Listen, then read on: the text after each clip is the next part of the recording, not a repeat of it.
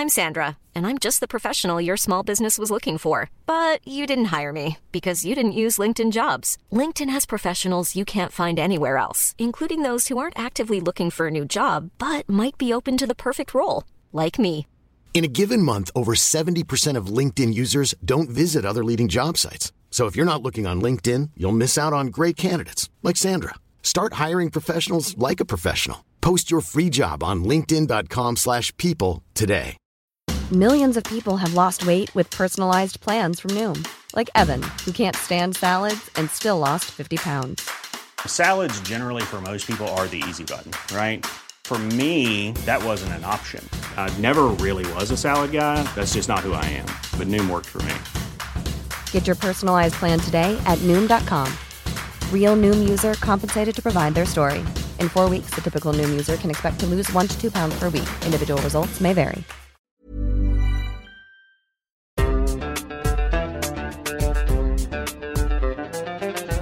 بودكاست صوت.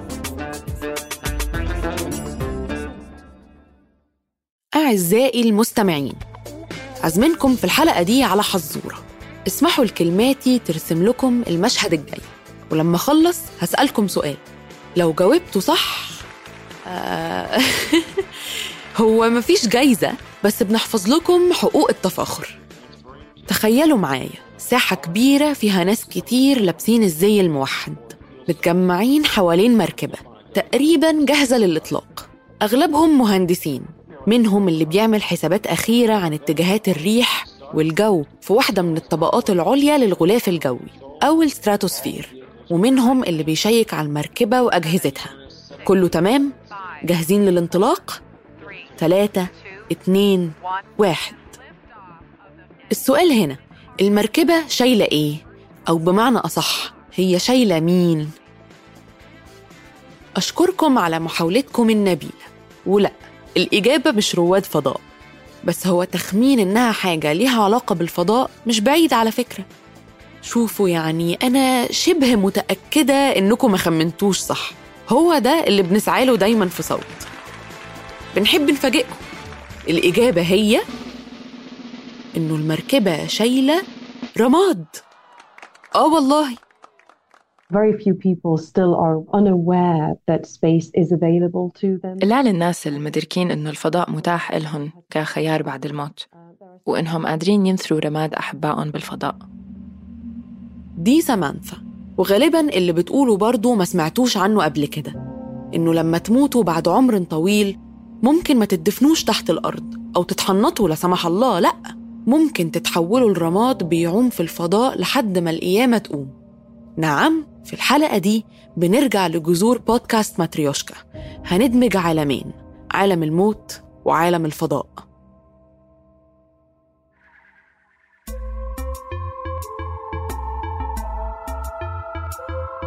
إذا منطلع على الصورة الكبيرة ومننسى ولو لحظيا الكوارث الطبيعية والحروب منلاقي إنه عالمنا منظم كتير ومتوقع إلى حد كبير. الأرض بتدور بشكل منتظم الأطفال بينولدوا وهم عم يبكوا والإنسان لابد إنه يكبر مع مرور الزمن. بس بهذا البودكاست ندعوكم تنضموا إلنا لنكتشف عوالم جديدة ونغرق مع بعض بإيقاعات بتختلف عن يلي تعودنا عليها. عوالم مجددة وبديلة عوالم متداخلة. عالم جوا عالم جوا عالم تماما مثل اللعبة الروسية ماتريوشكا. وبهالموسم رح أنطلق معكم برحلة نحو الفضاء.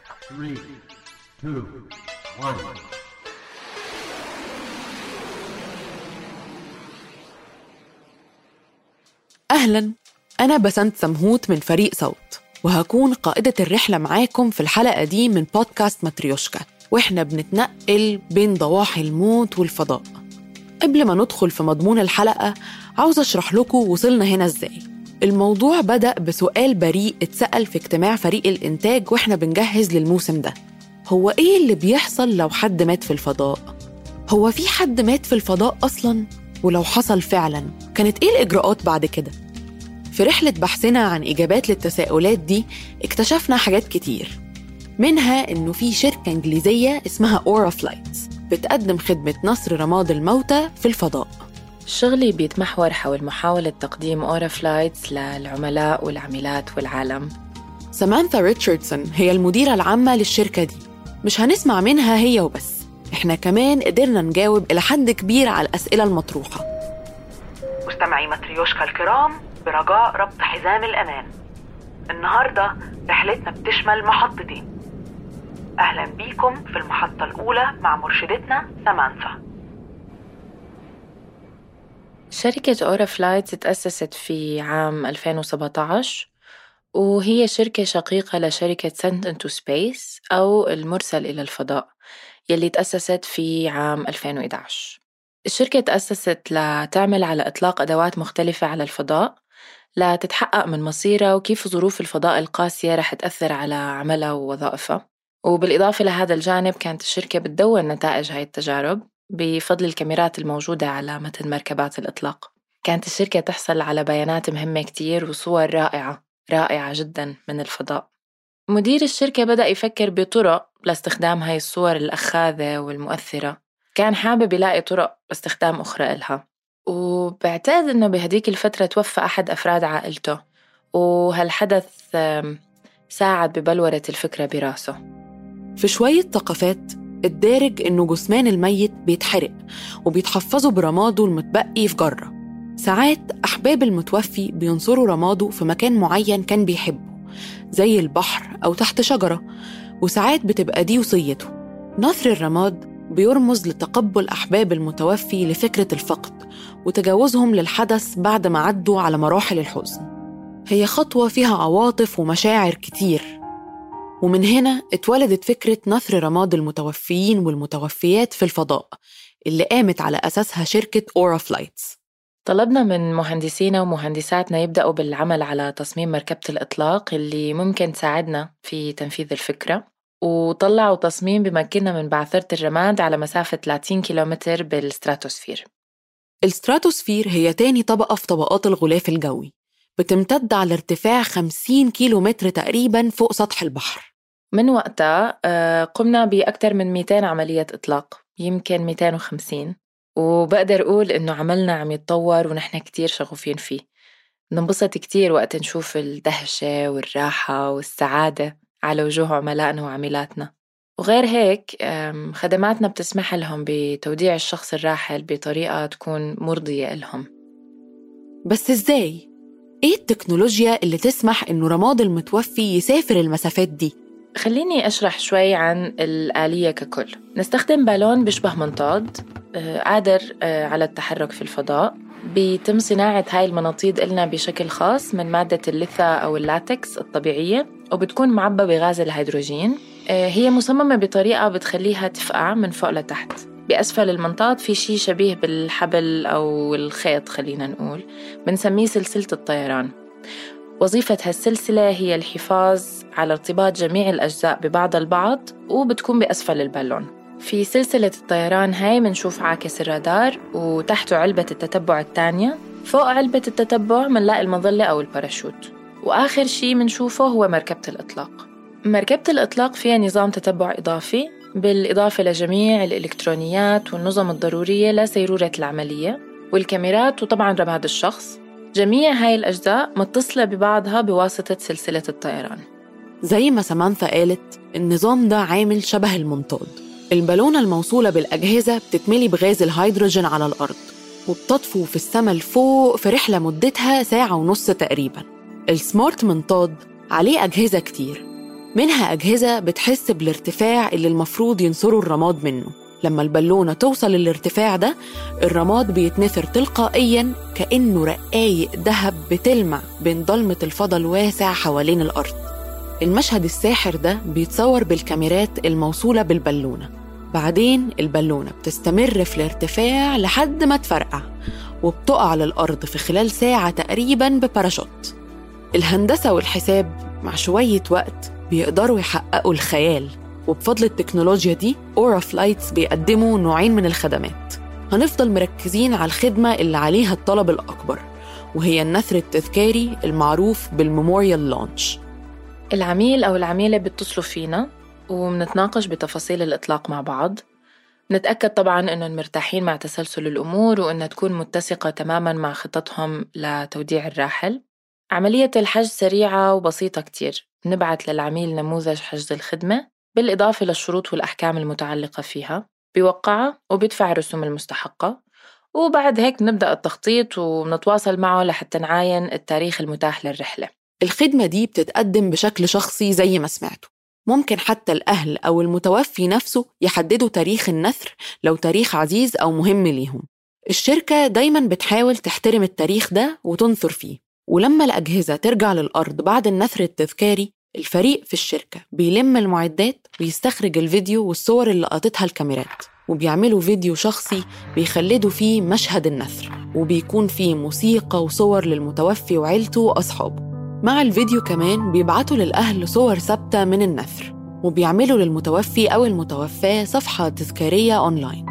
ومن خلالها يقدر الأهل والأحباب يعلقوا عليها ويشاركوا ذكرياتهم معاه أو معاها. بسبب الإجراءات دي وحساسية التكنولوجيا المستخدمة الموضوع مش دايما بيظبط في الميعاد المفضل للمتوفي أو أهله. كل رحلاتنا بتتطلب التواصل مع إدارة الطيران المدني في وكالة الفضاء البريطانية. ونحن بنستوفي جميع شروطهم وأحكامهم. لحتى نستوفي شروط اختبارات إدارة الطيران المدني لازم نعرف موقع مركبة الإطلاق بكل الأوقات. ولهيك لازم نعرف الموقع اللي رح ترجع عليه المركبة على الأرض. الأجهزة ممكن تنزل في كذا مكان. أحسنهم لو نزلت في حقل مفتوح. لكن بناء على الجو ممكن تنزل في شارع سكني أو مدينة أو في البحر. كل دي أماكن خطر إن الأجهزة تنزل فيها أو هيكون صعب جدا الوصول ليها واستخراج الفيديو والصور منها. كأننا ما عملناش حاجة. علشان كده المغامرة مش مستحبة. فريقنا ممكن يقول مثلا إنه توقعات حالة الجو بتبين مخاطر معينة. بالتالي ما بنقدر نطلق المركبة. هاي التوقعات بغاية الأهمية. لهيك كتير صعب علينا إنه حدا من العملاء يطلب الإطلاق مثلا في يوم محدد. يقلنا بدي الإطلاق في 1 أكتوبر. لأنه الإطلاق مرتبط ارتباط وثيق بحالة الطقس في الستراتوسفير واللي بيصعب تقديرها مسبقا لأنها ممكن تتغير بغضون ساعات. بالتالي منضل بنعمل تقييمات لحتى نلاقي التوقيت المناسب ونطلق المركبة. لأن الحذر مطلوب وفي التأني السلامة Aura Flights قدروا إنهم يسترجعوا أجهزتهم ويتمموا خدماتهم بأكمل وجه في كل مرة وهم فخورين جدا إن كل رحلاتهم عدت من غير مشاكل. البالون بيطلع بينثر الرماد على ارتفاع حوالي 30 كيلومتر من الأرض وأهل المتوفي بيشوفوا آخر لحظاته في مشهد جميل. وفي الصفحة التذكارية بيفتكروا أحبابهم ويخلدوا ذكراهم. تيتا الغالية منحبك قد الكون. لورا. رح أضل أشوف وجهك بالقمر ونجوم كل ما أطلع عليهم. بشتاق لك كتير. من وقت ما بعتنا رماد بابا على الفضا صرت شوف السما الزرقاء ونجوم بالليل بعيون تانية هالتجربة أوسع بكتير من مجرد رحلة للفضا. بس زي ما لاحظتوا الرحلة بتكون للرماد وبس والارتفاع محدود. هل ممكن التقنيات تسمح لأننا كبشر نعمل رحلة مشابهة بس وإحنا عايشين؟ في شركات عم تشتغل على هذا الموضوع حاليا وعم تستثمر فيه مبالغ مالية كبيرة. ما بعتقد إنه هالتجربة بعيدة عن البشر لكن Sent Into Space و Aura Flights مش مهتمين بهاي القصة حاليا. ما رح ننضم لهذا السباق. ولحد ما نقدر نشارك في رحلات فضائية ونحن أحياء نرزق وبجسمنا كامل وبينبض مش هيبقى فيه غير رواد الفضاء عشان يسردوا لنا التجربة بره حدود كوكب الأرض. وهنا بعلن لكم أعزائي المستمعين انتهاء رحلتنا في أول محطة لينا في الحلقة دي مع خفايا تقنيات نثر الرماد في الفضاء.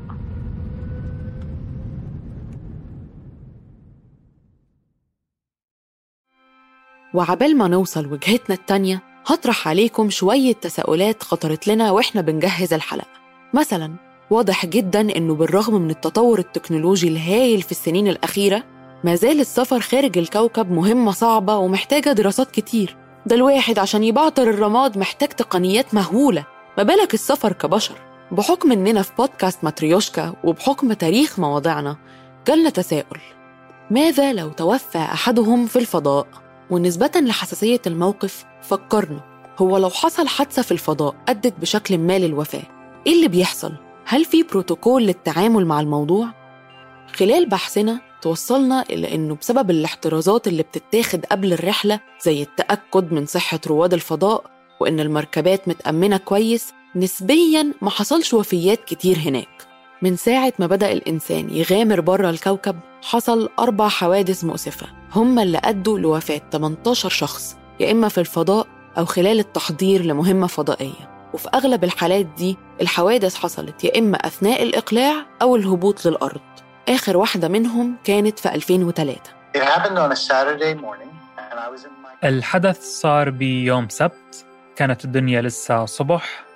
كنت في سيارتي وسمعت الخبر على الراديو. هيك عرفت بالقصة. تاني يوم الصبح حكوا معي من وكالة ناسا وطلبوا مني أروح عندهم بأقرب وقت. ده الدكتور بول روت وولب وهو مدير مركز الأخلاقيات في جامعة إيموري في ولاية جورجيا.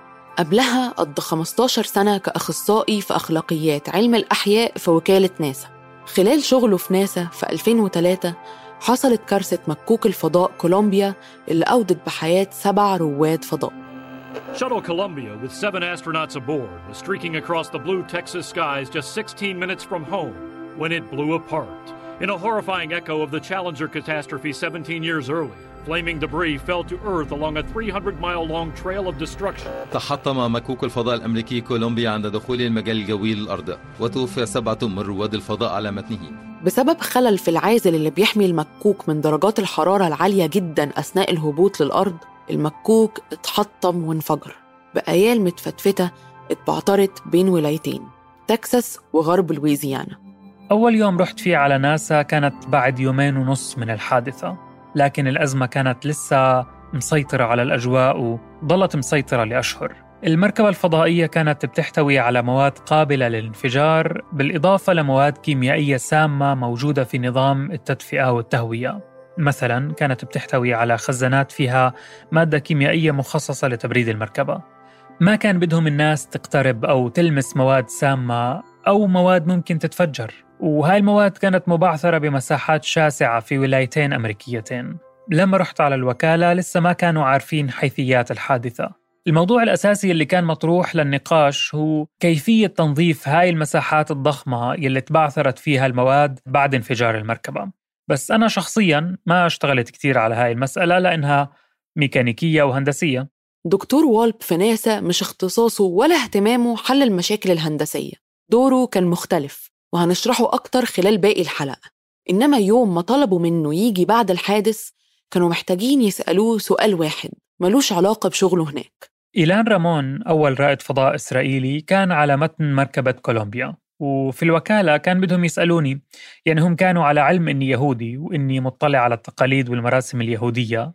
بالعادة لما يصير أي حدث في إسرائيل وينتج عنه جثث بسبب تفجير مثلا اليهود الأرثوذكس الأكثر تدينا بيحرصوا على الحصول على كل جزء من الجثة. بيستخدموا ملاقط صغيرة وقطع قماش ليجمعوا الأشلاء لأنهم بيؤمنوا في اليهودية الأرثوذكسية بقيام الجسد في يوم عودة المسيح. لهيك بيهتموا إنهم يدفنوا أكبر جزء ممكن من الجثة.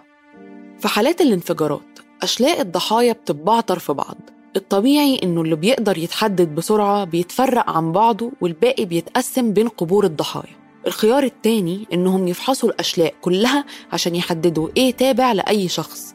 بس التقنيات دي بتاخد وقت ومجهود كبير. كان في تساؤل عن لو إسرائيل ميالة لحل فيهم. وقتها شرحت لهم إنه في اليهودية زي الإسلام مثلا دفن الجثة بأسرع وقت يعتبر من الضرورات الأخلاقية. مما يعني إنهم ما راح يستنوا أشهر ليدفنوها لأنه هذا الإشي يتناقض بشكل كبير مع التقاليد اليهودية زي ما بيتناقض مع تقاليد الإسلام. لهيك ما كانوا راح يستنوا أشهر لبين ما يتم الانتهاء من فرز الأشلاء.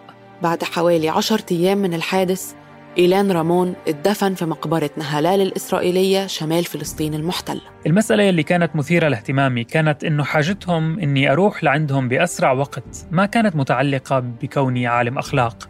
وإنما بكوني ملم بالديانة اليهودية. عالم أخلاق. قبل المقابلة دي ما كنتش أعرف إن دول كلمتين ممكن يتقالوا ورا بعض في سياق غير الهزار. بس طلعت شغلانة بجد. تقريبا بكل دولة غربية علم الأخلاق جزء أساسي ورسمي في آليات عمل القطاع الطبي. مش كل المستشفيات فيها ما يسمى اختصاصي عيادي في الأخلاقيات البيولوجية. لكن المستشفيات اللي ما بيكون فيها هذا الشخص بيكون فيها لجان أخلاقية مكونة من أشخاص مختلفين عاملين في المستشفى. ممكن ولا واحد منهم يكون اختصاصي في علم الأخلاق لكن هاي اللجنة بتخلق فرصة لأشخاص مهنيين وإلهم اعتبار في المستشفى إنهم يحاولوا يحلوا مسائل أخلاقية مختلفة تظهر بكثرة وبانتظام في عمل القطاع الطبي. المستشفيات مش الأماكن الوحيدة اللي بتواجه معضلات أخلاقية. وكالة ناسا مثلا خلال رحلتها الطويلة في استكشاف الفضاء مسؤولة عن سلامة العاملين في المجال ده؟ قلنا قبل كده إنه في اختبارات وإجراءات احترازية كتيرة بتتعمل عشان محدش يموت أو يتأذي في الفضاء وهو بيأدي مهمته. على مستوى التنقل ما بين المركبة الفضائية والفضاء بيضطر الرواد والرائدات إن هم يقعدوا في أوضة مخصوصة لأربع ساعات عشان جسمهم يتأهب لفرق الضغط الجوي ما بين المركبة وبره المركبة. لو ما عملوش كده جايز يجيلهم مرض تخفيف الضغط أو رضح ضغطي. وبيبقى فيه خطر على مفاصلهم أو دماغهم في أسوأ الحالات. المشكلة كانت إنه الأربع ساعات هدول كانوا وقت ضائع من الوقت القيم بالنسبة لرواد الفضاء. لما عملوا تجارب لتحرير الضغط على الأرض اكتشفوا إنه العملية بتتم بشكل أسرع إذا كان الشخص عم بمارس الرياضة خلالها.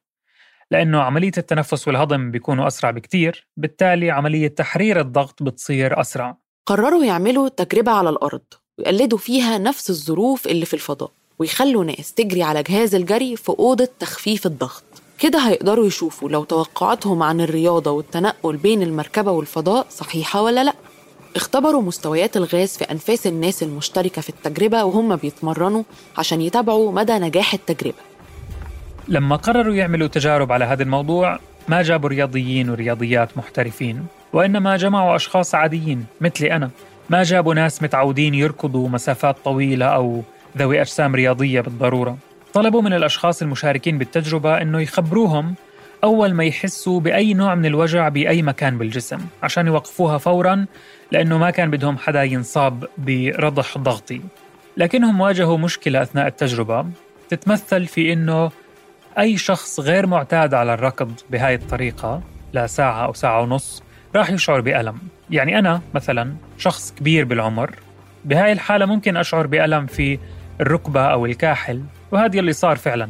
الناس صاروا يشعروا بالألم بعد ساعة أو أكثر من تواجدهم على آلة الركض. كان بإمكانهم يرتاحوا لما يحتاجوا بس بالمجمل المطلوب كان إنهم يواظبوا على الركض أطول فترة ممكنة. لما شخص ما بيحكي إنه شاعر بألم في الركبة بيوقفوا التجربة. لما شخص تاني يحكي إنه متألم بوركه كمان يوقفوا التجربة. لحد ما استوعبوا إنهم غير قادرين على إتمام التجربة مع أي حد من الأشخاص يلي اختاروهم لهذا الغرض. وبدل ما يحشدوا رياضيين محترفين لإجراء التجربة يعني أشخاص ما رح يتوجعوا بكاحلهم من الركض لأنهم متعودين يركضوا 8 كيلومتر مثلا بدأوا يعملوا إشي إحنا المختصين في علم الأخلاقيات بنحذر منه دائما واللي هو عدم الالتزام بإجراءات السلامة الخاصة بالتجربة. بدل ما يوقفوا التجربة زي ما المفروض يحصل بقوا يستفسروا أكتر عن نوع الألم ويكملوا تجربة الرضح الضغطي. بالآخر حصل الأمر المتوقع. أحد المشاركين بالتجربة كان عم بركض على آلة الركض وخبرهم بوقت ما إنه كاحله بيوجعه. سألوه عن طبيعة الوجع لكن استمروا بالتجربة. بعد شوي خبرهم إنه ركبته بتوجعه وكمان ما وقفوا التجربة. بالآخر هذا الرجل انهار وهو على آلة الركض. كان صعب عليهم يدخلوا لعنده فورا. كان لازم ينتظروا ويخففوا ضغط الغرفة بالتدريج قبل ما يدخلوا لعنده. بعد مرور وقت معين قدروا يدخلوا لعنده واكتشفوا إنه أصيب بالنوع الثاني من داء انخفاض الضغط وعانى من بعض المشكلات العصبية بسبب التجربة. حابين ننوه إنه مش وكالة ناسا نفسها اللي كسرت البروتوكول وتسببت بالحادث ده. الحادث حصل في جامعة ديوك. ناسا ما بتنفذش التجارب بنفسها. ساعات بتتعامل مع مراكز خارجية. على الرغم من ده ما زالت مشاركة في التجربة والموضوع تحت مسؤوليتها. المهم إنه بسبب اللي حصل وبسبب مشاكل تانية اكتشفت ناسا احتياجها لعالم أخلاق. وساعتها عينوا الدكتور وولب وظيفتي ما كانت بتقتصر على الرحلات الفضائية فقط. كنت بهتم كمان بصحة الناس في مكان العمل وآليات التعامل مع مفهوم الصحة في الوكالة وصحة رواد ورائدات الفضاء على الأرض يعني كان عندي كتير مهام وعملي غير فعلا نظرة الناس للرحلات الفضائية وكيفية تخطيط المؤسسة لرحلات الفضاء طبيعة الأسئلة الأخلاقية اللي كانت تطرح في المؤسسة. تمت إعادة النظر بالعمليات القائمة في المؤسسة ومحاولة تصحيح آليات التواصل يلي ساهمت بشكل أو بآخر بحدوث مآسي زي كارثة كولومبيا أو تجربة الرضح الضغطي. في معضلات أخلاقية كتير محتاجة إننا نفكر فيها وإحنا بنتطور كبشرية في استكشاف الفضاء. أقل شيء ليه علاقة بالحلقة وهو إننا نعمل إيه في جسم المتوفي في الفضاء؟ إزاي بيتم تخزينه؟ وإيه بروتوكولات رجوعه؟ السياسة القائمة من زمان تقتضي إعادة جثمان الشخص المتوفى في محطة فضائية أو في الطريق على المحطة الفضائية إلى الأرض بأسرع وقت ممكن. في المحطات الفضائية في مركبات مغادرة وأمور أخرى تسمح للأشخاص بالعودة إلى الأرض بأسرع وقت ممكن في حال وقوع حادثة ما. السؤال يلي يجب طرحه هو التالي: شو بيصير في حالات مغادرة مدار الأرض المنخفض؟ يعني في حالات الرحلات إلى القمر أو المهمات على المريخ يلي ممكن تستمر ثلاث سنوات مثلا يعني بالحالات يلي صعب نسترجع فيها الجثمان خلال أيام وممكن عملية إعادته تاخذ أشهر أو حتى سنوات المدار الأرضي المنخفض هو المكان اللي موجود فيه أغلب المحطات الفضائية وبتكون على بعد حوالي 400 كيلو متر عن سطح الأرض ويمكن دي تعتبر مسافة بعيدة لكنها نسبياً قريبة جداً. القمر مثلا أبعد حوالي ألف مرة من المحطات الفضائية. الناس أحيانا بينسوا إنه كل شعرة كل كيلوغرام بينحط في المركبة الفضائية بيزيد من حمولة الرحلة لأنه بيصير في حاجة لزيادة الوقود. المستخدم في الرحلة لتتمكن المركبة من إنها تنطلق إلى الفضاء. في كتير أشياء متفاوتة في الأهمية لازم تنحط في المركبة. زي إيه مثلا؟ مثلا أجهزة العناية الطبية. لو الواحد بده يحط جهاز تصوير أشعة في المركبة مش ممكن لأنها كبيرة وثقيلة. ممكن استبدالها بجهاز السونار. بس بكل الأحوال في حاجة لاتخاذ قرار فيما يخص الأجهزة يلي ممكن تتزود فيها المركبة. والأدوية؟ مش محتاجين أدوية كتير فوق؟ حرفيا في آلاف الأنواع من الأدوية اللي ممكن وضعها في المركبة. من الضروري يتوقعوا جميع أنواع المشكلات الصحية وجميع الأمراض يلي ممكن تصيب الشخص في الفضاء. ولاحقا بيتم اختيار أقل عدد ممكن منها لضمان عدم وجود حمل يزيد من وزن المركبة. هنا اتضح لي إننا سابقين الأحداث بكذا خطوة. في حاجات أخطر من الموت. زي لو حصلت إصابة وده احتمال أدعى لأن رواد الفضاء بتكون صحتهم البدنية عالية جدا. في الفضاء لنفترض أنه في خمس أشخاص على متن المركبة. كل واحد فيهم بيكون عنده وظيفة أساسية ومهمة يقوم فيها وعادة بيحاولوا يكون في أكثر من شخص عندهم نفس المعرفة والقدرات.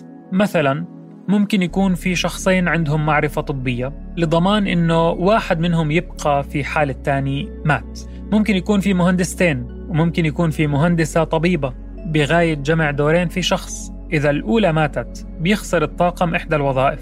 لكن إذا كانت مصابة إصابة بليغة وفي حدا بحاجة إنه يعتني فيها الطاقم بيخسر شخصين المصابة والشخص يلي بيعتني فيها. لأنه بيقضي معظم وقته وهو بيدير باله على هذا الشخص المصاب. دي احتمالات الخطر وإحنا بنتكلم عن طوائم متدربة للعمل في الفضاء. بس مؤخرا ظهرت بعض الحوارات الجدية عن السياحة في الفضاء.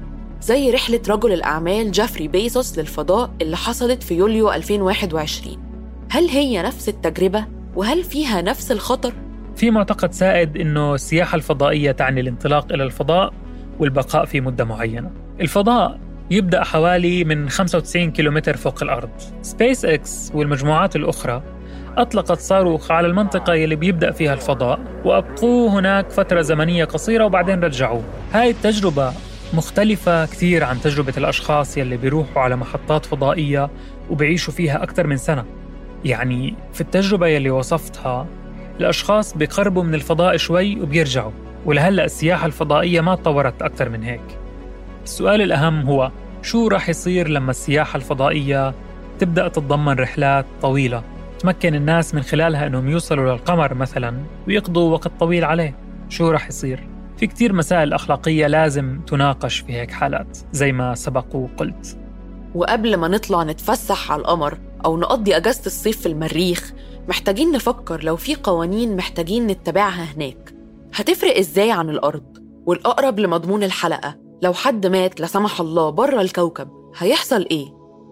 طيب لو استعمرنا المريخ أو القمر عادي إننا ندفن موتانا في مختلف الكواكب ولا لازم نحافظ عليهم؟ هو أصلا عادي إننا نستعمر الكواكب ولا ده خيار للأغنياء بعد ما تلوثت الأرض وبقت في خطر؟ ما عندي فكرة إذا الشركات عم تتعامل مع هاي الأسئلة بشكل مناسب. بعرف إنه هاي الأسئلة عم تنطرح وفي ناس عم يكتبوا عن هذا الموضوع بس ما عندي فكرة عن طبيعة القرارات اللي عم يتم اتخاذها فيما يخص هذا الأمر ولا إذا عم بيتم التعامل معها بجدية. الأسئلة دي ما تمش الإجابة عليها عشان لسه ما وصلناش للمرحلة دي من التطور. ما واجهناش المعضلة وبالتالي لسه ما فكرناش ولا استقرينا على حل. لسه ما حددناش الحدود الأخلاقية اللي محتاجين نقف عندها ونقول إحنا صحيح نقدر نعمل ده لكن مش محتاجينه أو نرفضه. خلاصة كلام الدكتور والب إنه مش لازم نستنى لما نواجه المشكلة أو السؤال عشان نضطر نلاقي حل. لازم نواجه المعضلات الأخلاقية ونبني القوانين قبل ما نسرح لعنان الفضاء. ده دور أداه الدكتور والب في وقته مع وكالة ناسا إنه فتح باب الأسئلة دي اللي بناء عليها بتتأسس القواعد اللي منها بنطور مستقبلنا دلوقتي قادرين ننثر بقايا أحبابنا على حدود السماء وفي اللي قادر زي جيف بيزوس يعمل نفس الرحلة بدون ما يستنى الموت عشان ينثر رماده ومع التطور هيكون في حاجات أكتر في متناول الإنسان العادي بس هنوصل فين لحد ما نموت؟ وهل تطلعنا للخارج هينسينا مكاننا وسط النجوم والكواكب؟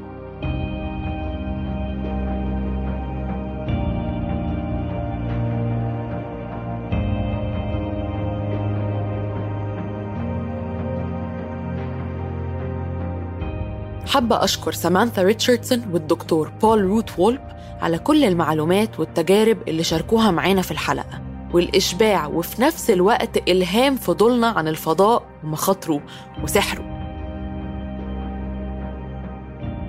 كنت معاكم من الإعداد الكتابة والتقديم بسنت سمهوت من التحرير محمود الخواجة الترجمة كريستينا كاغدو التمثيل الصوتي كريستينا كاغدو ومحمود الخواجة وهندسة الصوت نور الدين باللحسن. ما تنسوش تشتركوا في قناة ماتريوشكا على تطبيقات البودكاست عشان توصل لكم تنبيهات الحلقات الجديدة. بودكاست ماتريوشكا من إنتاج صوت.